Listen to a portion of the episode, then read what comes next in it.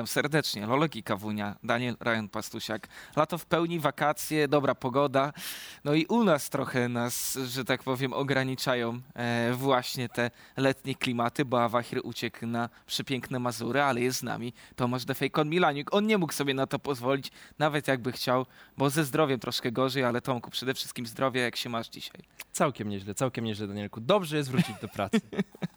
To jest super podejście i jest również z nami gość specjalny, Gaweł Kasztelan-Paprzycki. Cześć, witam. E, Walka o top 2. Zgadza się, dziękuję za zaproszenie. I jak to będzie wyglądać? Bo oczywiście byliście na bootcampie i ten bootcamp y, w wielu drużynach potrafi zdziałać cuda. Czy u was można powiedzieć o tym, że ta gra się naprawiła? Mm, Na pewno przebudowaliśmy a, częściowo strukturę drużyny, jak, jak działamy. Tak naprawdę teraz każdy jest za coś odpowiedzialny bezpośrednio. Nie mamy takiej odpowiedzialności zbiorowej, która, a, która po prostu dla nas nie działała, więc pod tym względem jest dla nas dużo lepiej. Na bootcampie co prawda jeden mecz przegraliśmy na, na właśnie na, na Pride, a drugi wygraliśmy, ale tak naprawdę na bootcampie spoczyliśmy proces nauki, który ma rozpocząć do playoffów. Nie oczekiwaliśmy tak jakby odrazowy, znaczy instantowej poprawy naszej gry. Jak to Fryderyk zwykł mówić, ta zwyżka formy następuje później, nie od razu po bootcampie i miałem okazję z nim zamienić kilka zdań. Powiedział, no w tym tygodniu może być jeszcze lepiej, tylko pytanie, czy utrzymamy tą formę na playoffy. Jak ty się ustosunkujesz do, do tych słów? Znaczy czuję, że tak naprawdę tydzień od a, bootcamp zaczęliśmy tuż przed meczem, znaczy nie, nie bootcamp zaczęliśmy 5 dni przed meczem na, a, na właśnie Pride i czułem, że tak naprawdę od tygodnia jeszcze przed bootcampem naprawdę zaczęliśmy dobrze grać screamy. Nie jestem w stanie określić, czy teraz mamy tą formę bardzo dobrą, też tak jakby na screamach gramy podobnie, tak jak wcześniej. A ciężko mi tak jakby wywnioskować to, że teraz mamy formę fantastyczną na podstawie tego, że, urywaliśmy best of 1 na Devil's One. No właśnie, Best of 1 na Devil's One. I to jest kolejna mapa, którą tracą. Stracili dwie przy okazji a, wpuszczenia swojej akademii, ale mimo wszystko no nie jest kolorowo. Tomku, co ty uważasz? Co się dzieje z Devil's One? Um, trudno jest tak zero-jedynkowo tutaj wyrokować. Przede wszystkim, jeżeli chodzi o Devil's One, wydaje mi się, że mogą być jakieś delikatne problemy wewnętrzne. Dla mnie jedna z najważniejszych rzeczy to jest oczywiście ten dolny, duet z dolnej alei, gdzie mm, Lakar oraz Erdote po prostu nie są wyśmienici, nie są idealni. To jest tak, że popełniają drobne błędy. Oczywiście one zdarzały się już wcześniej, ale myślę, że powoli dochodzimy do momentu, w którym należałoby je eliminować, zwłaszcza, że nadchodzą playoffy, jak słusznie zauważyłeś. E, I trochę brakuje mi agresivo. Nie mówię tego w takim aspekcie, że agresivo gra gorzej, tylko mam wrażenie, że e, postaci, które nawet są mu wybierane, nie zawsze stawiają go w pozycji, w której może kierować, bo to już nie jest agresivo na Ireli. To jest agresivo, który dostaje gangplanka i ma nieco bardziej przeżyć top lane, I tym chciałem przeskalować, porozmawiać, coś takiego. Jeżeli któregoś botomu, e, w sensie dolnej alei mieliby się bać zawodnicy Devil's One, to byli by ci właśnie zawodnicy z Illuminar, bo po Kid Alert niesamowita forma, a patrzysz na ich draft i Zajarakan na dolnej alei, na górnej alei Gangplank, który będzie sugerował, że dużo więcej będziesz chciał poświęcić zasobów tej dolnej alei. Jak wy zareagowaliście na taką decyzję taktyczną? A szczerze mówiąc, oczekiwaliśmy jakiejś super konty na topa. Myśl, naszym zdaniem Mordekaiser jest OP i tak jakby zostawianie go wiąże się z tym, że naprawdę ma się coś solidnego a, na to. I oczekiwaliśmy jakiejś, jakiejś coś w tym stylu właśnie, może, może Kamile, właśnie takie postacie agresywo i po prostu granie full topside. Nie zobaczyliśmy tego i, i się w sumie tym zdziwiliśmy. No właśnie, na pewno chciałbym porozmawiać o, o twojej dolnej alei, bo naprawdę to, co Puki z Delordem robią w tym sezonie, ja jeszcze nigdy nie widziałem Pukiego tak pewnego siebie, kiedy wskakuje pod wieżę przeciwnika, wyciąga jeden raz Ezreala, drugi raz Ezreala. Piraci wtedy to czuli. No na pewno tak jest. A oczywiście bardzo się cieszymy z tego, szczególnie kiedy tak naprawdę my mieliśmy troszeczkę gorszą formę jako Illuminate, to naprawdę nasz bot, nasz bot smurfował i dużo, mo- może nie dużo, ale na pewno kilka map pływaliśmy tak głównie dzięki nim po prostu. To z czym tak naprawdę podchodziliście jako takim głównym zadaniem do bootcampu? Bo wiadomo, że musieliście mieć pewien cel, e, który chcielibyście zrealizować przy okazji tego e, waszego zgrupowania.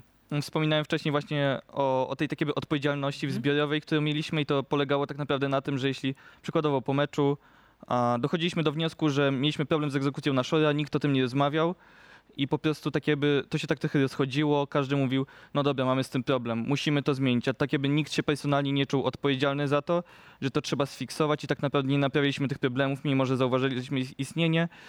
No i tak jak mówię, głównym moim zdaniem, główną moim zdaniem rzeczą, którą zmieniliśmy podczas bootcampu jest to, że każdy jest za coś odpowiedzialny i tak jakby każdy aspekt League of Legends jest przez czyjąś rolę albo zadanie odpowiedzialność Mhm. pokrytym. Czyli takie bardziej rozdysponowanie zadań względem drużyny, zamiast zostawiania ich w przestrzeni, żeby ktoś się ich podjął, gdzie nikt realnie nie chciał się ich podejmować? Czy nie, nie poczuwał się odpowiedzialny za ich podjęcie? A, no tak, dokładnie. No i tutaj też pytanie w kontekście tego top 2, bo na pewno jest to super premiowane miejsce. Rok chyba już trochę odjechało. Ciężko, żeby nagle zaczęli seryjnie przegrywać, chociaż może się to zdarzyć, ale wiadomo, że e, w perspektywie tego drugiego miejsca wyliczycie się w walce, liczy się Pride, który ma taki sam bilans. E, Mapy niżej jest Devil's One i Aves. I z Aves na pewno będziecie się mierzyć e, w tym tygodniu. Kogo jednak uważasz za takiego głównego kandydata w walce o to top 2? Mm, Z racji tego, no oczywiście uważam Devil's One i, i Pride niedaleko po nich, głównie na to, że bardzo dużo przegrywaliśmy w swojej, w swojej historii na Devil's One, ale tak naprawdę jesteśmy teraz jedną mapę, jedną mapę tak naprawdę nad nimi. Jeśli Devil's One przegra na, na Rogue, to ciężko im będzie walczyć o top 2. I, ale jest to best of 1, więc tak naprawdę każda, każda drużyna ma realne non-stop szanse na top 2. Jeśli, jeśli przykładowo Davis One wygra na, na Rogue, to będziemy mieli tiebreakery. Jeśli na przykład my wygramy na Pride, ale, ale przegramy na Rogue i Pride wygra na Davis One, będziemy mieli tiebreakery na Pride, Mhm. więc Jest to ogólnie... jest bardzo realne. To jest bardzo fajne, bo mówiliśmy jakoś tak na początku, chyba w e, drugim odcinku tego sezonu LoLka, że polska scena w Ultralidze e, jest bardzo wyrównana, że mamy e, ten poziom między top 1 drużyną, a powiedzmy szóstą nie jest aż tak rozstrzelony, jak nam się wydawało.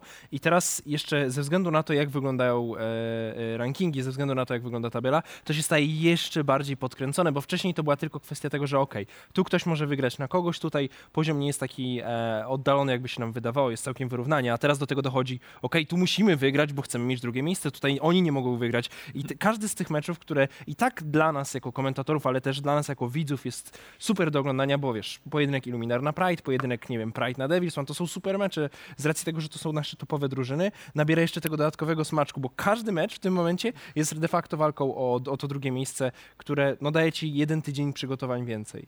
Nadchodząca kolejka to jest Wisła Płock oraz Aves i o ile z Wisłą na pewno jest to pojedynek, w którym będziecie ogromnymi faworytami, to Aves tak naprawdę jest tuż za wami, jeżeli chodzi o tabelę. E, Względem umiejętności tutaj możemy dyskutować, ale Kasztan, do ciebie pytanie otwarte. Jeżeli miałbyś decydować o drafcie względem środkowej alei, zostawiasz talona czy Możliwe, że ja nie będę grał, tylko, tylko Puki znowu, albo może Connective, więc to nie jest tylko w mojej decyzji, ale na Ultralidze zostawiliśmy Talona i to, i to wyszło ok. Na pewno to nie, na pewno to nie jest tak, że, że będę jakiś przerażony. Bo albo... musicie się na pewno zrewanżować, bo już raz przegraliście. Chodzi mi o to, że jak ty podchodzisz do takich komfortów y, poszczególnych zawodników? Widzisz, że to jest postać, na której super się czuje. Czy ty jesteś zwolennikiem wybanowywania, czy jednak stwierdzisz, ja go powstrzymam? Mm, bardzo zależy, jeśli tak naprawdę postać jest uciążliwa nie tylko dla mnie, ale też dla drużyny, no bo przykład, przykład Talona. Talon to, to na pewno bardziej dla drużyny. tak, tak, tak. To, to, nie jest dla mnie kłopot najpierw pochillować sobie pod towerem chwilę, i, kiedy Talon skacze przez ścianę i zabija mój team. To też jest oczywiście pytanie do drużyny. I to tak naprawdę zależy od pików, zależy jak się czujemy teamowo, komfortowo, zależy czy mamy na to kąty przygotowane, czy nie. Więc to naprawdę zależy od wielu aspektów. Ale banowanie komfortu graczowi, który tak naprawdę chyba tylko grał asasynami, grał, grał Zedem, grał Talonem i oprócz Zgadza tego... się. A Kali się jeszcze pojawiła. A Akali się jeszcze pojawiła, no to tak jedna szablonowe postacie na pewno jest sensowne. Właśnie, ty kojarzysz Bucu na pewno z dłuższej przygody niż tylko Ultraliga. Ja pamiętam, że e, na przykład Korkiego wyciągał, który oczywiście jest polskim słynnym wyborem. Czy ty wyobrażasz sobie, że nawiąże walkę na innych postaciach, nie tylko na tym nietypowym stylu, jeżeli będzie do tego zmuszony oczywiście? A wachlarz asasynów jest na tyle duży, więc mi się, że mi się wydaje, że tak naprawdę nie będzie zmuszony. Jeszcze Bucu grał na pewno Syndro, grał, a grał sporo LeBlanc. No, Kiedyś- Pamiętajmy, że w poprzednim sezonie grał na przykład Niko, kiedy nikt nią nie grał i kiedy jeszcze to nie była A. silna postać, ale jakby wybierał ją, co też mogłoby sugerować, że nawet teraz mógłby w teorii to zrobić. Ale, tak, ale jestem i tak pewien, że skoro Avestyle wygrywa takim stylem, to jestem No pewien, tak, że Z, Talon, w momencie kiedy są zbanowane Akali, LeBlanc, to będzie jego, jego target. Trochę mu meta też chyba siadła w tym, w tym Oj, sezonie. na pewno. Bo mam wrażenie, że Aves jest drużyną, która bardzo mocno na tym zyskała, ale pytanie, czy w kontekście playoffów ty też uważasz, że to będzie e, bardzo duży problem, ta ekipa, czy w perspektywie best of five, jak byś miał ich uszeregować względem innych ekip, które byłyby niewygodne? Mm, o tym nie myślimy na razie, w sensie na, naszym celem jest top 2, jeśli będziemy top 2, to tak naprawdę oczekujemy, że jeśli my będziemy top 2, regułę top 1, to wtedy oczekujemy, że zmierzymy się na Devil's One. Problem się sam rozwiąże wtedy. Tak, wtedy nie będzie trzeba o tym myśleć, ale Bo zastanawiam się, kto będzie taką Wisłą Płock, bo przez dwa poprzednie sezony Ultraligi Wisła Płock była tą drużyną, na którą nie chciałeś trafić best of five. I, I kto mimo tego, że nie jest oczywistym faworytem, mógłby być takim uciążliwym A, przeciwnikiem? Znaczy nie wiem jak z perspektywy Gawo, ale tu wydaje mi się, że naturalnie będzie to Pride. Takim drużyna, na którą totalnie nie chcesz Mhm. trafić. Wydaje mi się, że mają kreatywne drafty, mają kreatywne strategie, potrafią, kiedy już zgarną przewagę w early game, potrafią naprawdę fajnie pociągnąć. Tak. Ja po prostu patrzę na to z tej perspektywy, że nasze oczekiwania względem składu pierwotnie były dużo niższe niż ostatecznie się skończyły, e, niż ostatecznie teraz skończyli i wydaje mi się, że to na pewno będzie ekipa, którą trzeba będzie szanować. Tak, ja się zgadzam i szczególnie w porównaniu do ostatniego splitu, w ostatnim splicie też tak mówiliśmy, Pride super makro byli to przy wygrali splicie, prawda, Mhm. nawet nad nami, ale tak jakby my grając na nich myśleliśmy, że i gracze po prostu, po prostu szczałkują, a teraz nie mają takich, wydaje mi się, że nie mają po prostu takich nowicjuszy, którzy na przykład, nie wiem, pierwszy raz grają na lanie i zagrają z tego z tej racji beznadziejnie. Okej, a chciałbym też pogadać o dolnej części tabeli, bo tutaj na pewno się zastanawiamy. Wisła Płock to jedno, tutaj chyba już, y, zresztą Gaweł, ty byś był całkiem niezły w matematycznych szansach, ale zakładam, że nawet matematycznych Wiśle nie dajesz na playoffy. Znaczy matematyczne są, ale to Chciałby się naprawdę dużo tak, matematyka by się musiała postarać, ale no, no nie biorę tego nawet pod uwagę, że Wisła zak- zakwalifikuje się do fazy playoff. No i jest również w tym wszystkim Actina Pact, y, która e, przebojem wdarła się do Ultraligi, ale widać, że im trochę to ucieka. I czy ty również podpisujesz się pod tym zdaniem, które już wielu zawodników wygłosiło, to o im nie starczy paliwa na playoffy. Wydaje mi się, że im nie starczy, ale nie dlatego, że im nie starczy, tylko że inne drużyny mają, mają takie by dużo tego paliwa, ponieważ jeśli by a, Actina Pact miał wejść do playoffów, to znaczy, że jakiś tym by miał, by miał nie wejść i to byłoby Pirate Sports, które a, po, po zmianie właśnie, właśnie Snowdena Nika te, też załapało dużo zwycięstw, czy, a, czy Pride nie ma opcji, Aves, Aves też doszliśmy do wniosku, że ma swój dobry okres, więc wydaje mi się, że najprędzej Actina Pact a, będzie tą drużyną, która nie zakwalifikuje się do playoffów, ale nie skreślam ich w żaden sposób. Ale tu też warto wspomnieć o tym, że Actina Pact od y, właśnie dzisiaj rozpoczęła swój bootcamp y, w Gaming House w Warszawie, także na pewno jest to, e, jest to potencjał do tego, żeby naprawić e, te wszystkie błędy. Tomek, ty też chyba już to zdanie również e, wygłaszałeś, że to Actina wydaje się być tym tą drużyną, która nie, nie załapie się do playoffów. Czy też kalendarz nas troszeczkę w tę stronę nakierowuje, ale ja czekam na ich pojedynek też na Parade Sports, jakby, e, jeżeli chodzi o tabelę oczywiście, Mhm. bo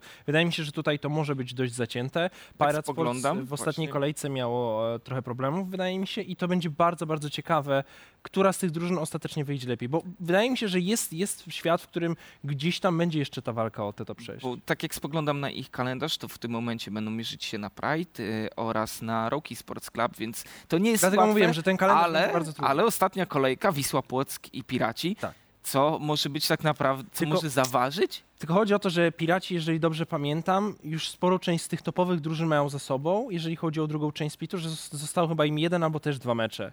Więc I tak i nie, Tomku, bo trafią na Devil's One, trafią na Rogue, ale też trafią na Wisłę Płock, więc widzisz, tutaj No i właśnie o to mi chodzi, że znowu problemy. to jest tak, że mają w teorii, gdybyśmy mieli założyć w teorii, że przegrywasz na dwie drużyny lepsze i nawet gdyby Actina Pact miała wygrać oba, to i tak byśmy mieli chyba tiebreaker, jeżeli się nie mylę. Więc na pewno to nie, to nie będzie łatwe dla nich, jeżeli chcieliby wyjść. Jest jeden temat, który miałem przygotowany również względem e, drugiej części, bo w drugiej części pogadamy o LEC, pogadamy również o midlanerach i tutaj chciałem zahaczyć tą środkową aleję, bo Polska zawsze midlanerami stała, szczególnie e, tutaj byliśmy dumni z tego, że w Polsce zawsze był wyrównany poziom. Jak teraz Kasztalon oceniasz to, co się dzieje na środkowej alei? Bo mam wrażenie, że ten sezon jest bardzo mocno naznaczony przez specyficzne style gry poszczególnych zawodników. Mm, Jeśli chodzi o na środkową, jeśli chodzi o aleję, to na pewno się wyróżnia selfie, tak naprawdę. Wydaje mi się, że w tym momencie nad każdym a, ka- jest konsystent, w każdej grze gra dobrze. Kilka gierek nawet, a, na, nawet poniósł praktycznie samemu, jak na przykład tą na nas. I wydaje mi Mm. się, że Oj tak, ten korki. wydaje mi się, wydaje mi się, że jest on, jest jakaś przerwa i to nie, nie mówię, że ta przerwa jest jakaś ogromna. To, to nie jest tak, że wstajcie na selfiego ja, Matisław, mo, może też walczyć, nie wiem, zawsze będziemy po prostu wypadać słabiej, tylko a, jest na ten moment lepszy zdecydowanie i później mi się wydaje, że mamy naprawdę dość solidny poziom nawet w, kon, w, kontekście, w, kon, w kontekście Europy, a nie tylko w sensie, a nie tylko Właśnie, w kontekście polskiej Jak ligi. to wygląda? Bo my oczywiście w, w sezonie pierwszym popadliśmy w bardzo duży optymizm. Mówiliśmy Ultraliga, jedna z najlepszych lig regionalnych. Później nie chcę powiedzieć, że EU Masters nas weryfikowało, ale na pewno te wyniki nie przemawiały za naszymi teoriami. I jak byście teraz panowie to umiejscowili? Bo Francja wydaje się być niezwykle mocna. Hiszpania też. Zresztą ty, Gaweł, masz pewnie więcej informacji względem Ja tych wiem. regionów, bo, bo zakładam, że trenujesz na poszczególne drużyny na co dzień. No, z jednej strony UMasters pokazał, że Polska jest słaba. No nie oszukujmy się, wyniki na UMasters nie były dobre, ale z drugiej strony praktycznie Akademia Rogue, oprócz, oprócz Fina, gra, gra w LEC sobie zradzi ok, ale jeszcze z trzeciej strony grali na Akademii Misfits i przegrali. Więc to tak W naprawdę... stylu, w którym przegrali na EU Masters, żeby było śmiesznie, Tak, to był tak. bardzo podobny mecz, co dał mi taki... I to- split push, split push, no. I to na pewno jest ironiczne z, z tej racji, ponieważ Misfits też Akademii miało, może nie równą, ale, ale równiejszą niż main skład Misfits gra na Splice. I to tak jakby przemawia za tym, że naprawdę te drużyny z lig regionalnych są silne w kontekście po prostu, w kontekście LEC, w kontekście może LCS, LEC ta, ta słynna dyskusja, czy y, Rogue jest lepszy niż, niż. TSM. Oj, tam Sven się ostatnio bardzo oburzył. I- Nie wiem, czy widzieliście z jego prywatnej się- transmisji. Może się oburzać, ale jeżeli będzie dalej tak grał... Niech wróci do Europy. Zgó- Zgódźmy się w tym momencie. Myślałem, że Pride ma wolne miejsce dla strzelca. Myślę, że to jest poziom, który za Ale to bardziej do ostatnio- piratów, bo on z wyskiem, ale A, no to prawda, to prawda, masz rację. Dobrze, moi drodzy, przejdźmy do tematu, który na pewno bardzo Was interesuje. E, Sama organizacja Pride zapowiadała, że będziemy mieli tutaj ten zaszczyt, aby ogłosić ich nowego zawodnika, nowego strzelca. I zacznijmy właśnie od tej organizacji. Także poproszę o beleczkę. Yashiro, oczywiście ze wszystkim e, znanych powodów, niestety musi opuścić Pride, ale Fankei dochodzi jako ich nowy strzelec. Tak, jest funky. Zobaczymy, jak sobie poradzi w lidze, czy będzie tak funky. A nie możemy dużo o nim powiedzieć, bo realnie nie ma ogromnej przeszłości, jeżeli chodzi o grę profesjonalną. Jest stosunkowo młodym zawodnikiem. Na pewno to, co można o nim powiedzieć, to, że radzi sobie dobrze w solo kolejce w sezonie dziewiątym. I widziałem, że pojawiło się wiele, wiele e, znaków zapytania, e, zapytań kto to i tak dalej. Otóż jest to niemiecki zawodnik, Mhm. e, 20-letni z tego co pamiętam. Rozmawiałem z Kolorem na ten temat i tak e, napisałem do niego, że młody ten gracz, bo tak patrzę 9-9 9-9. rocznie i, i względem mnie to stwierdziłem, nie no, musi być młody. A on od razu mnie sprostał, mówi, nie no, Danka jest młody, ma 17 lat, to już jest... Tak też, też mam coś takiego, że Wyższa półka, 9-9 20 lat. 9-9 myślę sobie, no tak, młody, a potem mam takie, a, Dwójka z 20 lat. przodu. To już trochę? To już chyba nie Jak wypada. na gracza, to wiesz. To już jest stary półprawie emerytura, więc No Jankos przecież y, kilka lat starszy, a co chwilę powtarza o tym, że być może niedługo emerytura czeka. E, Ale wracając, Funky. e, Jest to zawodnik, którym, jeżeli dobrze pamiętam, miał tworzyć właśnie ten team, w którym pierwotnie miał grać Kolor i i Danka, który nie doszedł do skutku, czego efektem było niejako Pride, bo Kolor się tutaj pojawił nam za Kolor w. Polsce buduje drużynę, która miała Tak, tak. Realnie trochę tak to wygląda. E, Ja podpytałem odrobinkę trenera Pride, Mauro Garitha, i on zasugerował, że jest to bardzo taki wszechstronny strzelec, który dostosuje się do tego, czego będzie potrzebować drużyna, podobnie jak robił to Yashiro i zasugerował, że też ma jakiś potencjał e, kierowania drużyny taki, jak posiadał Yashiro. Być może nie aż tak duży, bo wiadomo, że Yashiro nam się pokazał z bardzo dobrej strony w lidze, ale nie jest e, zawiedziony tym wyborem, więc Przede wszystkim Będziemy to testować. Ja, ja podsumuję tutaj, na pewno ten model utrzymany został, gdzie mamy dwóch zagranicznych y, zawodników i trzech Polaków. To też zdecydowanie wpływa na tą atmosferę w drużynie, nikt nie jest odizolowany. Jest to zawodnik, który wysoko utrzymuje się w solo kolejce 800 punktów obecnie w Challengerze, także na pewno tutaj widać, że indywidualnie jest ok. No i Pride musiało zrobić to na szybko. Z tego co wiem, do ostatniego momentu naprawdę ta decyzja nie była jednoznaczna. Było kilku kandydatów, ale tutaj zdecydowali się na niego. I kończymy temat Pride. Myślę, że to jest y, pewnego rodzaju wstęp. Dużo więcej oczywiście już jutro od godziny 17 na Polsat Games, bo Ultraliga kolejna, szósta kolejka. Ale mamy jeszcze jeden transfer. Tutaj e, nikt nie odchodzi, za to przychodzi. Do Roki Sports Club. I chciałem powiedzieć już z rozpędu Ice Bisto, ale jest to Ibo. IBO, to jest, ja, ja będę mówił IBO, to jest mój nowy king taki. A jak mu się nie spodoba? To mi napisze.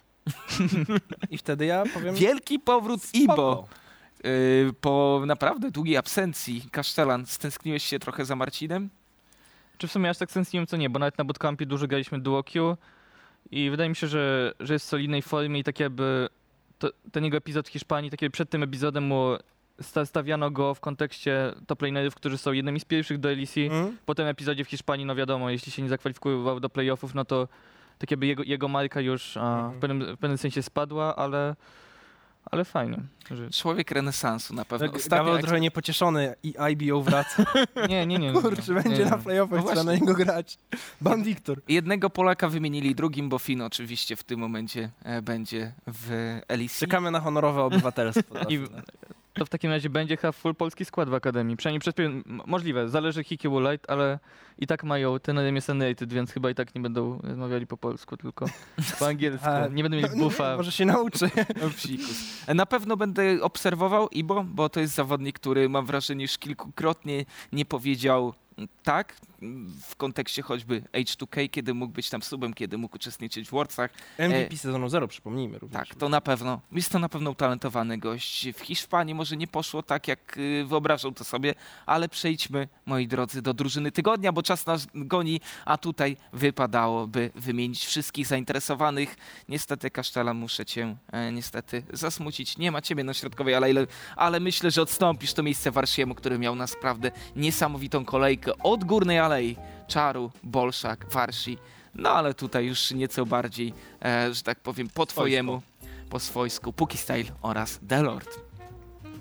I jak oceniacie te wybory? Ja się może e, uderzę trochę w piersi, jeżeli chodzi o górną alejkę, bo przy poprzednim odcinku zasugerowałem, że możemy nazwać Czaru rzecz realnie dobrym toplanerem w Ultralidze w momencie, w którym będzie pokazywał się świetnie na czymś poza Wiktorem, teraz pokazał nam nieco inne postaci, a Rumble czy Mordekaiser i jest to specyficzny styl, nadal zdarza mu się na przykład tracić dużo fal na topie, wydaje mi się, że czasem ma jeszcze problemy z pewnymi rotacjami, ale mimo wszystko muszę się uderzyć delikatnie w pierś, bo realnie pokazał nam bardzo, bardzo dobrą grę i nie mogę się przyczepić. Ja tutaj na pewno chciałbym się odwołać do słów Delorda. Jesteś już po raz drugi w drużynie tygodnia.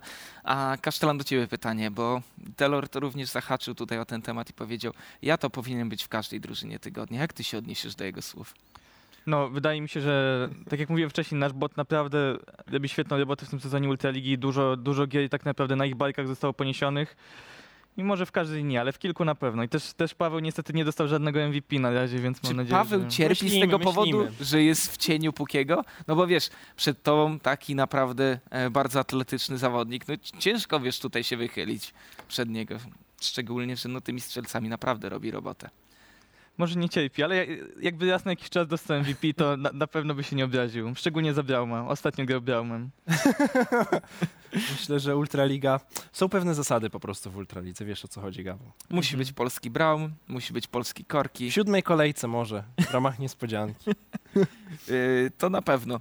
No i jakby tutaj też warto docenić zawodników Aves, bo Mhm. e, Bolszak z, z dżunglerami zawsze jest delikatny dylemat, kogo wybrać, bo nie ma tutaj, wydaje mi się, że na dżungli takiego jednoznacznego kandydata, który, którego byśmy zawsze rozważali, ale za to Górna Aleja Czaru, ja jestem pod wrażeniem tego, jak ten zawodnik nam... E, że tak powiem, ewoluował w trakcie Ultraligi, bo pamiętam Tomku, siedzieliśmy tutaj kilka tygodni temu, ty zadałeś pytanie, czy to tylko Wiktor?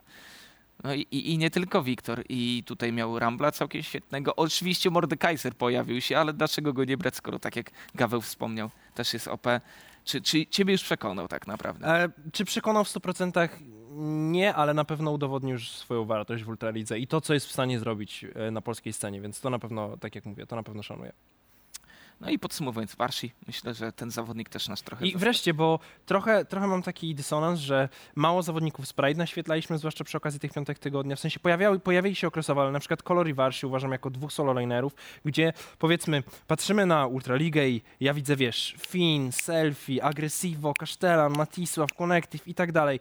A w tym wszystkim Warsi i Kolor naprawdę totalnie nie odstają. Mieli kilka świetnych laning phase'ów. To chyba było w grze na Row, gdzie właśnie e, Kolor tak bardzo ładnie ograł e, Behave'a oraz Fina na topie Gnarem. Tak, ci kolesie mają... Ograł również tego dżentelmena, który tutaj siedział, Morganą. E, O, jakby ja widzę tyle sytuacji, w których zarówno Warszy, jak i Kolor na najlepszych w różnych zestawieniach, bo wiadomo, że to też jest kwestia często matchupu, ale mimo wszystko radzą sobie dobrze, są w stanie dużo zdziałać dla drużyny. Myślę, że dla nich również należy tu się delikatne monoklask, jak to mówił mój, mój jeden z wykładowców. Ja już nie będę sypał soli na ranę, chyba że Kasztelan coś, coś jeszcze dodać do tego, bo e, powoli będziemy uciekali na przerwę. ja bym chyba wstawił tylko Kolora za to, że film miał 0,5 i tak naprawdę bilet, bilet możliwe, że pożegnalny mu taki zapewnił, że kilka razy go solo killował. Ja mam wrażenie, że tutaj Finn nie był po prostu sobą tego dnia.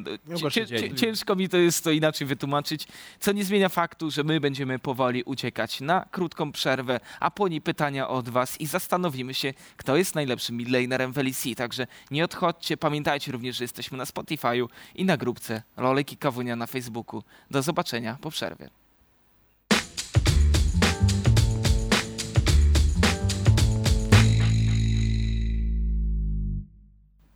No już jesteśmy z wami. Temat Ultraligi myślę, że bardzo szczegółowo omówiliśmy przy okazji pierwszej części, więc czas zacząć LEC. A przy okazji najlepszej europejskiej ligi spójrzmy na tabelę, zobaczmy co tam się dzieje, bo zmiana lidera to Okej, najpierw chciałbym przypomnieć, że e, są jeszcze z nami Tomek oraz Gaweł. Warto by było powiedzieć o tym. Ale byś popełnił faux paux. Tak, tak, ale dobrze, że mam przy sobie tutaj e, bardzo e, głos rozsądku, o tak to nazwę. Więc Tak. są tutaj z nami nasi eksperci niezmiennie. No i właśnie, to może do tej tabeli w końcu przejdźmy, bo miałem już taką myśl, która została brutalnie zerwana. Z tym liderem, to chyba zapowiadał się żart słowny, z kategorii bardzo dobry. Nie, nie chciałem, nie chciałem. Zmienił nam się lider, bo G2 na szczycie, Fnatic po bardzo No i. Misfit ze zwycięstwem. No proszę pana, oczywiście. To był ten żart słowny. Tak jest. Rogue zwycięstwo, ale i porażka. Jeżeli mielibyśmy obstawiać przed y, z tą kolejką, to raczej w odwrotnej. E, Ale to prawda. odwrotny wynik, że na Fnatic raczej Najpierw porażka, a potem zwycięstwo. Ale to prawda. Excel, niestety. e, Tą akcję chyba będę musiał zakończyć, czyli Excel na playoffs, bo już y, znowu jest Gaweł z nami przy okazji matematycznych szans, więc tutaj też tylko matematycznie chyba pozostaje Excel. No, na pewno bym dał większe szanse Excel niż Wiśle z racji tego, że jeszcze 8 gier mają do rozegrania i no naprawdę będzie ciężko, szczególnie, że szósta drużyna ma, ma 4 zwycięstwa, więc by musi tak naprawdę 3 zwycięstwa nadrobić, oprócz tego, że jeszcze dodatkowe a, Zwłaszcza, sobie zapewnić. Pułap zazwyczaj było około siedmiu zwycięstw, yy, przynajmniej jeżeli chodzi o poprzednie sezony, no to więc gdyby zdobyć 6 na 8 dla Excel, myślę, że nie będzie łatwo. Schalke, Origin to są te drużyny, które domyślnie przypisujemy do playoffów, ale panowie, z kim Rogue będzie walczyć o ostatnie miejsce? Czy będą walczyć o ostatnie, bo nagle e, może ktoś mieć inne zdanie na ten temat. Wydaje mi się, że Vitality i SK to, to są te dwie drużyny, z którymi Rogue będzie się potykać. A Misfits? Ja nie jestem mimo wszystko przekonany do tego alternatywnego składu. W ogóle do żadnego, żeby Bo nie było. za- Nie jestem przekonany w ogóle do Misfits. Wiadomo, jedna, jedna, co mówią e, zawodnicy, co trenerzy mówią, a drugie, co mówią zawodnicy. Załóżmy w czystej teorii, że ten skład ak- e, Akademii pozostanie do końca. Mhm. Czy ty, Kasztelan, widzisz tą drużynę, która nagle robi kilka zwycięstw i znajduje się w playoffach? No, to kilka to naprawdę też musi być sporo, ponieważ ma, mają, mają te aktualnie 2-8, a sz, szósta, szósta, siódma drużyna. 3-7. A 3-7 mają, a. Tak, tak, bo wygrali na Rogue. E, A ja bym dał większe szan- dałbym im większe szanse niż takie by niż, a, niż, niż może myślicie, ponieważ naprawdę mieli dość trudną grę na Splice, na regułę, który, którego, który dzień wcześniej zastępowało Fnatic, co prawda z Magic Felixem, ale Fnatic a, na nich przegrało, więc ja Misfits daję, nawet bym im dał większe szanse niż SK, szczerze mówiąc. E, mm, w, sumie, w sumie może fakt, bo e, e, też nie lubię SK i Misfits możemy dał. znaczy, Ale- SK ma I to jest ten problem. Problem. SK ma problem na środkowej Znaczy, alei. SK to ma serię problemów akurat i ja od początku powstania tego składu mówię, Dreams i Piran, nie wiem po co importujesz graczy, którzy są gorsi niż Europejczycy na, na tych pozycjach. Zwłaszcza, że są problemy z komunikacją. To jest dla mnie najbardziej, to są dla mnie jeden z najbardziej absurdalnych importów od czasów Neyhuna. No właśnie, a czekolad gra w Hiszpanii cały czas. No, ale jest świetny potencjalny nie import. Chciałbym zauważyć, nie import. Dobrze, wracając do meczu, który mamy na naszych ekranach, e, Splice kontra G2 i miałem delikatną taką, wiecie, przeczucie, że może to być bliższe spotkanie. Nie było. O. s- G2 to jest temat rzeka obecnie. Wydaje mi się, że w perspektywie tego, jak wiele drużyn gra League of Legends w, różnych Bo regionach na pewno. i tak dalej, i tak dalej. Mimo wszystko dla mnie G2 obecnie jest, jeżeli nie top 1, to na pewno top 2, top 3 drużyną na świecie. Wydaje mi się, że jeżeli chodzi o Chiny, mamy tam kilka dobrych drużyn. Nie wiem, czy to jest ten sam poziom. E, w Korei też mamy jedną czy dwie drużyny, które wydają mi się być bardzo, bardzo dobre, ale również nie wiem, czym się nie zastanawiał, czym nie położył G2 nad nimi wszystkimi. To jak współpracują wszystkie części składowe, to jaki mają potencjał w drafcie, to ile mają możliwości w egzekucji, to jak każdy może być carry, jak grał dookoła wizji, nie wiem, jak Jankos ścieżkę, tak ta drużyna jest naprawdę mądra w grze. Już Dobra. pa licho umiejętności. My są rozmawialiśmy tak już, Tomek, o tym, ale Gaweł nie miał okazji z nami zamienić na ten temat słowa. MVP splitu na ten moment. Kogo byś wyznaczył? Myślałem o, o Broxachu aż do tego tygodnia. Mhm. naprawdę mi się wydawało, że Broxach każdą grę smurfował i na, naprawdę to, co robił na Gregasie, to była totalna poezja, ale w momencie, kiedy odsuwamy Broxacha, to mi się wydaje, że hmm, to pewnie kogoś z G2 albo... Nie, w sumie kogoś z G2 by wypadało wybrać i to byłby albo Jankos, albo Caps, zgaduję? Właśnie Jankos był. Ja, ja mam powiedzmy taką listę top 3 i na pierwszym miejscu mieściłbym Jankosa, bo zazwyczaj, kiedy jest to głosowanie na MVP splitu, na MVP na każdą pozycję w Riocie, to się właśnie wysyła taki formularz i dajesz top 3 swoje, oni zliczają punkty. I ja bym, gdybym miał w tym momencie ustalić moje top 3, na pierwszym miejscu byłby Jankos. Wydaje mi się, że nie było ani jednej gry G2, w której zagrałby źle. Jasne, były gry, w których popełniał błędy i przypominały mi się co najmniej dwie, w których dajwował topa w bardzo losowych okolicznościach, w bardzo losowy sposób. Pozdrawiam Wyska przy okazji. E, ale mm, e, jeżeli chodzi o Jankosa, naprawdę świetne gry, doskonale rozumie to, jak grać dookoła swoich silnych stron mapy, gdzie wordować. Tak. Wystarczy spojrzeć nawet na content, który pro, produkuje ekipa z LEC, bo oni omawiają też te jego ścieżki, więc jest to e, dla mnie poezja. Jeżeli chodzi o Jankosa, umieściłbym Humanoida na drugim miejscu, bo wydaje mi się, że jeżeli chodzi o wpływ jednos, jednej jednostki na całą drużynę, wydaje mi się, że Humanoid ma ogromny, naprawdę bardzo często niesie drużynę i potrafi mnóstwo zdziałać. I właśnie na trzecie bym dał Broxaha. Wcześniej Broxaha miałem wyżej, tylko właśnie te osta- ostatnie trzy gry miał takie naprawdę chwiejne i e, troszeczkę mnie to zasmuciło. Ale też myślę, że Broxach jest trochę takim odbiorcą problemów Fnatic z bocznymi liniami, przez co trochę trudniej się gra w lesie. Ale to już też długi program. Natik ma na pewno Można więcej problemów, ale właśnie ten MVP splitu i ja teraz nie czuję żadnego ciężaru względem tego, że chcemy hypować Polaka. Ja autentycznie czuję, że Jankus jest naprawdę solidnym kandydatem do tego tytułu, bo oczywiście Caps ma swoje szalone akcje, Wunder również, chociaż Wunder mam wrażenie ostatnio gra za dużo w Teamfight Tactics niżeli Lola, jak dobrze obserwujecie jego streamy, ale tak, Marcin naprawdę tutaj mi imponuje i byłoby to niezwykle fajne, gdyby jeszcze indywidualnie go odznaczyli. To byłby chyba wtedy bez wątpienia. Ja nie byłbym zły, gdyby dostał ten głos kto inny, gdyby kto inny został MVP, ale na chwilę obecną po prostu po tych kolejkach, które mieliśmy do tej pory, Jankos wygląda super i to jest Od, ode mnie taka krótka myśl, po prostu Jankos wygląda naprawdę, naprawdę dobrze i cała drużyna wygląda dobrze, możliwe, że to jest tego kwestia. Sumie macie rację w tym kontekście, że tak jakby MVP splitu to jest, a kto najlepiej zagrał, kto nie jest najlepszym graczem, bo najlepszym Mhm. graczem to nadal moim zdaniem jest Caps i Tak, to, tak, tak, tak, tak. Ale faktycznie, kto, kto najlepiej, kto miał największy wpływ na swoją drużynę, to faktycznie Jankos.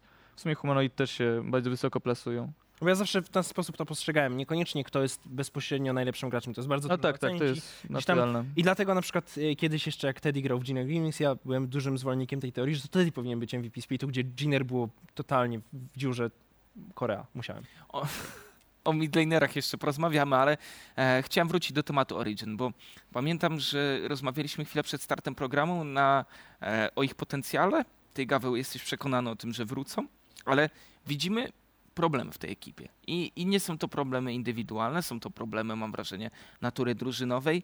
E, Czy wy widzicie tą drużynę jako ekipę, która dołącza na Worldsy, czy, czy w tym momencie już zaczynacie myśleć o hashtag Sprice na Worldsach?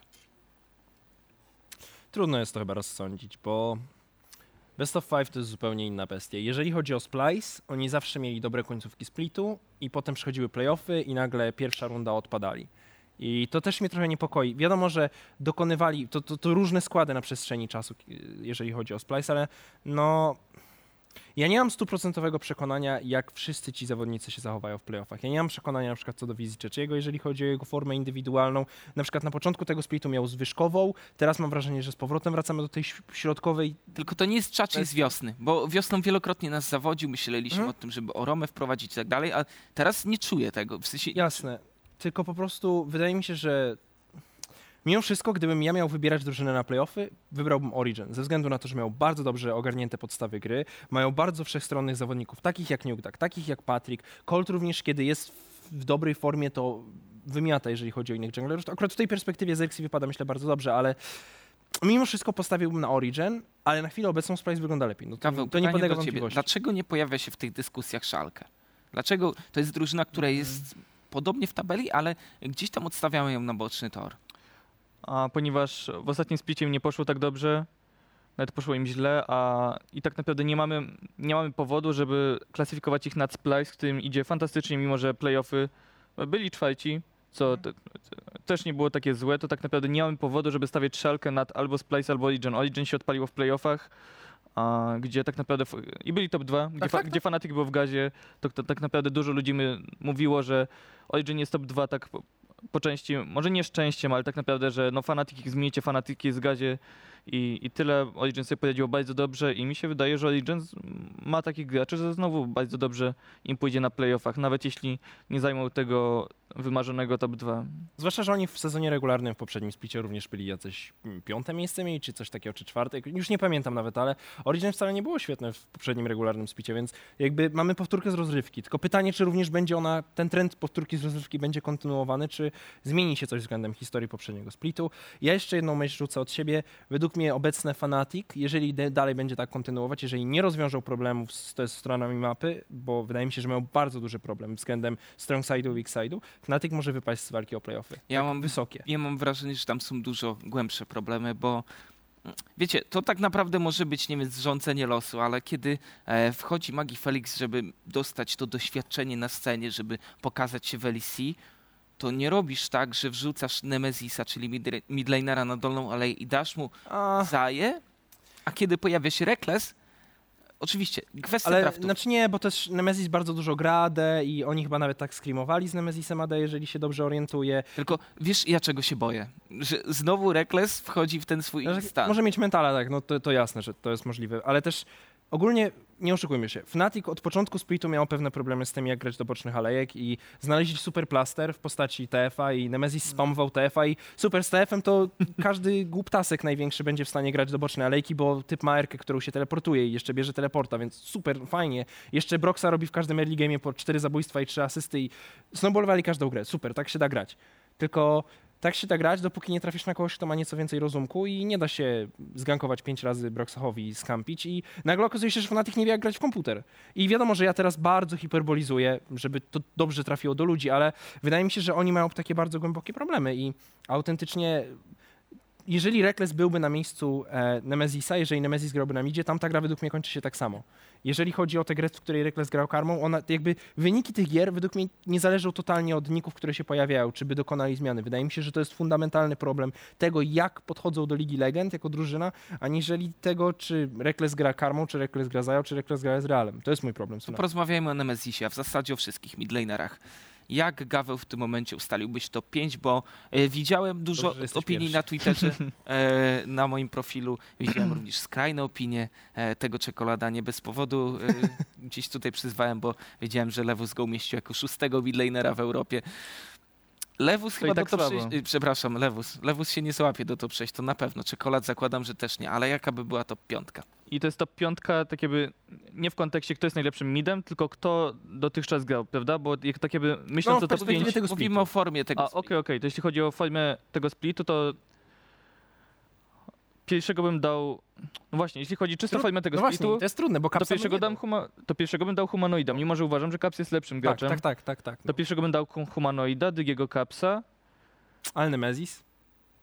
W sensie Nemezis miał bardzo dobry split w sumie. N- Nie chcę Capsa umieszczać poza top 2. No i to jest, to jest straszne. To- to- ja, to- ja, to- w ogóle Nie chciałbym go zdejmować z za top dużo tak, tak, grze. i, właśnie o to chodzi, że ja, ja czuję się zobligowany dać kapsa top 1, ale szczerze to nie jest najlepszy split kapsa. To, to on miewał lepsze splity i w perspektywie też całego G2. Tak To prawda, tylko czy on jasne musi słowo. mieć lepszy split? Nie to musi też, mieć, to też jest właśnie. Nie, kolejny- ale jeżeli patrzymy względem tylko formy z dotychczas rozegranych 12 gier, czy tam 10, 12, 10, przepraszam. 10. E, jeżeli patrzymy tylko względem formy z tych 10 gier, to Caps wcale nie jest najlepszym midlanerem, ale jeżeli patrzymy na to, co wiemy jakby na temat Capsa, czego już się nauczyliśmy, no to by far jest najlepszym graczem na zachodzie. I tu nie ma w ogóle o czym rozmawiać, tak? Może mamy kilku kandydatów innych, ale mimo wszystko. Dobra, co dalej? Co dalej? Czwarte miejsce. Okej, to, to, moim, to moim zdaniem pierwszy Bo na trzecim... drugi Caps, trzeci, na trzecim bym wrzucił Nemezisa Mhm. I z tym się zgodzę. i potem właśnie dałbym Nugdaka. Nie jestem pewien, czy ma swój najlepszy split, ale to jest... Ale też nie chcę tak zero-jedynkowo To ta- patrzeć, to że tak jak z Jestem Capsem, pewien, nie? że on się odpali na playoffy i jestem pewien, że jest fantastycznym Chciałem midem. Nawet to tak jak z Capsem, że ciężko go nie wrzuci do tej topowej tak, czwórki, tak. bo jednak zresztą ostatnio na Korkim też miał fenomenalną grę. tak. Natrok się też miał świetną grę e, dwa tygodnie temu, ale mm, kto jest 5? Bo to jest naj, chyba szczerze. Top 3 jest proste. Ustawienie nie, ale top 3 jest proste. Top 5 to jest piątym najlepszym midlanerem I- widzę, bo nasuwa się Larsen, Tak. ale metodą eliminacji. Nie dlatego, że nie robię tego z silnych powodów. Nie uważam, żeby Larsen był Ale ja sprawdzałem statystyki i wiecie, bo pojawiają się zarzuty, że ten gość gra mega pasywnie, że czasami chroni swoje KDA, ale do 15 minuty sytuacja względem e, midlanera, który jest po drugiej stronie. On naprawdę wychodzi tutaj na plus i uważam, że to jest super cenne i możemy mówić, że czasami e, jest, Ach. Jest e, zbyt, e, że tak powiem, zachowawczy, ale też potrafi podjąć te decyzje. Ja bym umieścił go na piątym miejscu. Okej. Nie widzę tutaj nikogo E, innego. To ja zadam takie pytanie, bo e, Caps statystycznie nie wypada świetnie. Caps jest midlanerem, który chyba najwięcej roamuje obok Nemezisa w całej lidze. I to są, notabene, to są dwie top dwie drużyny swoją drogą, tak może podpowiedź dla tych, którzy szukają stylu dla siebie na środkową alejkę. I wydaje mi się, że w tym momencie współpraca z junglerem i schodzenie właśnie do side'ów jest bardzo ważnym elementem i widzimy to nie tylko w Europie, to jest bardzo ważne w Chinach, to jest bardzo ważne w Korei, walka o, o obiektywy neutralne i w tej perspektywie wydaje mi się, że Larsen jest świetnym graczem, jeżeli umieścisz go jakby w cudzysłowie na piedestale. Jeżeli doprowadzisz do sytuacji, w której Larson może kernąć, kernie, ale Larsen sam tych sytuacji do końca nie wypracowuje. W takim znaczeniu, że na przykład kiedy ma przewagę na midzie, bardzo rzadko będzie schodził i przenosił ją na przykład na bot side i dlatego Woolite z Wanderem cierpieli w przeszłości, bo bardzo dużo e, uwagi mam wrażenie gdzieś tam było dookoła środkowej alejki. Cały czas podczas gdy bot-. E, no nie wiem, w ostatnim tygodniu wyglądało to nieco lepiej w mojej opinii. Mhm. I w ogóle cały rok wyglądało, ale to jest temat na, na inną dyskusję. W każdym razie mój problem z Larsenem jest taki, że mam wrażenie, że to nie chodzi o to, że on jest pasywny na linii, bo on potrafi wygrywać trade, on bardzo dobrze gra na linii. Tylko mam wrażenie, że jeszcze nie jest w pełni komfortowy z tym, jak poruszać się po mapie, że woli zostać i złapać na przykład te pięć klipów więcej, zamiast zrotować i na przykład, nie wiem, dać warda głębokiego w Enemilesie, albo pójść na bota i oddać im jedną falę dzięki temu, że zgarnie presję. Tak, mam trochę z tym problem, wydaje mi się, że czasem jest na to przestrzeń, a tego nie robi. I wracamy do metody eliminacji. Y, Kasztelan, to tutaj wrzuciłbyś Larsena czy Abedagę? Czy może ktoś inny chodzi ci po głowie? Chciałbym wrzucić na równi, ale jeśli bym nie mógł, to wrzuciłbym mimo wszystko Larsena. Mhm. Jest konsystent, wydaje mi się, że mało miał słabych gier, jeśli te takich słabych, słabych, jeśli, jeśli, a, jeśli takowe były. I mimo, że to nie, że to nie jest gracz, który na przykład zdeftuje sobie lepszy matchup i, i będzie shotkolował całej ligę po prostu, ze, ponieważ z, z tego samego faktu, że będzie miał prawie, będzie miał lepszy matchup, pomoże, pomoże sidelane'om, pomoże dżunglerowi zinwadować, to lepszego kandydata nie ma, moim zdaniem. I, i, i z tym się zgodzę. Z Tak racji jakby, tego, że się rozgadaliśmy, e, to segment pytań musimy bardzo mocno skrócić. Ja bym chciał zadać to, które chyba o, bardzo mocno zostało podbite i też e, myślę, że ciekawi nas wszystkich Gaweł, to gdzie ty się widzisz za 10 lat? Bo Bedwolf zadał takie pytanie i, i wiem, że tam dużo ma I tam było w nawiasie dobra. matematyka czy e-sport. Właśnie to jest dla mnie o tyle trudne pytanie, że tak naprawdę decyzja, którą podjąłem, że, że podejmę studia, a, była odpowiedzią na to, że nie, po- nie potrafiłem sobie tak naprawdę odpowiedzieć na to pytanie, czy, czy esport, czy matematyka. Jakbym wiedział, to, to bym nie robił na pewno drugiego i na pewno się chcę rozwijać w obu, a, w obu miejscach. I na pewno nigdy w życiu nie będę chciał z, z, z czegoś zrezygnować, mimo że połączenie matematyki ze sportem, w sensie w ogóle sportem ze studiami, a, gdzieś tam z matematyką, z analizą Zawsze jakąś, to, welkozem. To nie, niech to będzie. Suchar To, za, 10, fliga i- za, Choroba mnie dopadła. za 10 lat będę grał Velkozem. Ojeju. Ale to na, Uczył Welkoza w podstawce. Ale to było złe. Żartuję. E, Przepraszam Dobra.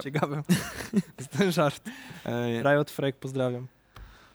Super, Tomku, wybiłeś wszystkich z rytmu. Ja w tym momencie dobry akurat. dostaję informację, że e, będziemy powoli kończyć, bo czeka nas zapowiedź meczu tygodnia i to będzie mecz pomiędzy Illuminar Gaming oraz Aves, ale chciałbym na początku podziękować. Zresztą, kto by pomyślał, że taki mecz będzie określany mianem meczem tygodnia, choćby po pierwszej, po drugiej kolejce, kiedy Aves miał kłopoty, ale o tym może kiedy indziej. E, Gaweł Kasztelan Pawszycki był dzisiaj naszym e, specjalnym gościem. Dziękuję Ci za przybycie. dziękuję ślicznie. E, No i Tomasz Defejkon Milaniok. Może nie w najlepszej formie, ale całkiem e, te kąśliwe myśli znowu nam podrzuca. Nie wiem, jak to jest właśnie. To, wiesz, no, taki mam kolec jadowy i on się sączy. Przykro mi, przepraszam. Oby ten kolec jadowy z Karnera nie urządlił jutro Illuminar Gaming. O tym się przekonamy oczywiście. Od 17 wtorek, środa, pamiętajcie o Ultralidze. My wracamy do Was za tydzień. No i do zobaczenia.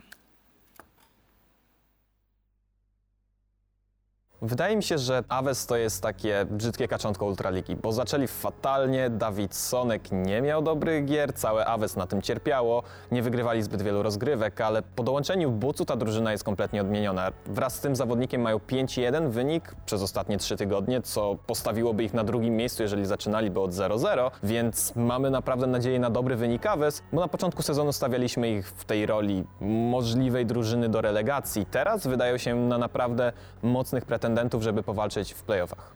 Oczekuję od tego spotkania w końcu rewanżu Illuminar, bo widziałem, że byli bardzo przybici po tej porażce na Aves w zeszłej rundzie. Patrząc na ostatni tydzień, Illuminar wyglądało bardzo, bardzo pewnie. Wygrali na Diabły, również y, spotkanie wcześniej bardzo gładka przeprawa. To jest drużyna, która w tym momencie naprawdę jest na fali wznoszącej. Na Connectiva graliśmy w tamtym sezonie bodajże raz, no ale to ciężko ocenić tą grę, bo grał Malfightem, więc, więc na pewno jest to jeden z e, bardziej ogarniętych toplanerów i nie da sobie w kaszę dmuchać, więc na pewno będzie dosyć ciężko. Czaru to się zdziwiłem, że będzie grał dalej na topie. Ja myślałem, że to był tak na chwilę, tylko jakiś taki zmienił się na topa na sekundę, bo nie mieli jakiegoś tam zawodnika czy coś, a tu się okazuje, że kolejny sezon on znowu dalej gra na topie, więc dlatego nie patrzyłem nigdy na niego jako top lanera. Tak myślałem, że po prostu on sobie tak na chwilkę gra, zobaczymy jak będzie tak jak już na stałe faktycznie chce na topie tym grać. Na razie jakoś nie zaskakiwał mnie bardzo. Zdecydowanie łatwiej mi osobiście będzie na niego grać niż na przykład Aggressivo, który gra tam tymi Jace'ami, Connective gra tymi Vladimirami, Swainami, to bardzo podobny pick style co do mnie. Tym razem, jeżeli Czaru miałby z tego wyjść, to byłbym naprawdę pod wielkim wrażeniem. Gravity Field zagrane, stuny się sypią i uwaga, co się dzieje? Oczywiście, że Hextech Ultimatum zagrane przez przeciwnego toplinera, ale Czaru to żyje! Czaru, co mi tam Czaru! Czemu te Jeden, drugi, TP, oni Piraci będą walczyć, Katakis zatrzymuje dwie osoby, nie będzie tutaj tam Kęcza i nie będzie tu piratów! Popatrz na to, Ases! Kompletna rzeź nad piratami! Triple kill dla Czaru, quadra kill dla Czaru i przywalił tu z maczugi w rywala! Rybson jest takim graczem, który jest nadmiernie agresywny w dżungli. Po prostu zrobi, pokażesz się gdzieś na wardzie, to już możesz mieć to przeczucie, że Rybson jest gdzieś w przeciwnej stronie mapy w twojej dżungli i ci coś tam podbiera. Taki szalony styl trochę. Często się może na tym przejechać, właśnie zostanie wyłapany, jak zignoruje to, że też możemy mieć wizję i jakoś wykorzystać to właśnie, żeby wygrać. No Bolszak gra już te parę lat na polskiej scenie. Wydaje mi się, że paręnaście miesięcy temu osiągnął swój limit, już lepszy nie będzie. Dalej w sumie jest tak, że albo robił sam na 9, albo totalnie troluje gierkę, także no, wydaje mi się, że nie będzie trudnym przeciwnikiem. Mamy dwóch zawodników, którzy znają się jak łyse konie. Jest to Bolszak Bucu i to jest na pewno miejsce, w którym mogę widzieć potencjalną przewagę dla Aves. Nadjeżdża, ale jest i Bolszak rozpędza się i zgarnął w tym momencie Wladimira. Jedna plama nie pomoże. Mało tego, zamienił się po prostu w drugą. Od momentu, w którym Bucu dołączył do składu Aves, przechodzi niczym burza. Bucu będzie polował na przeciwnego junglera, ten na razie nic nie trafia. Jest Deathmark zagrany, będzie próba wykluczenia.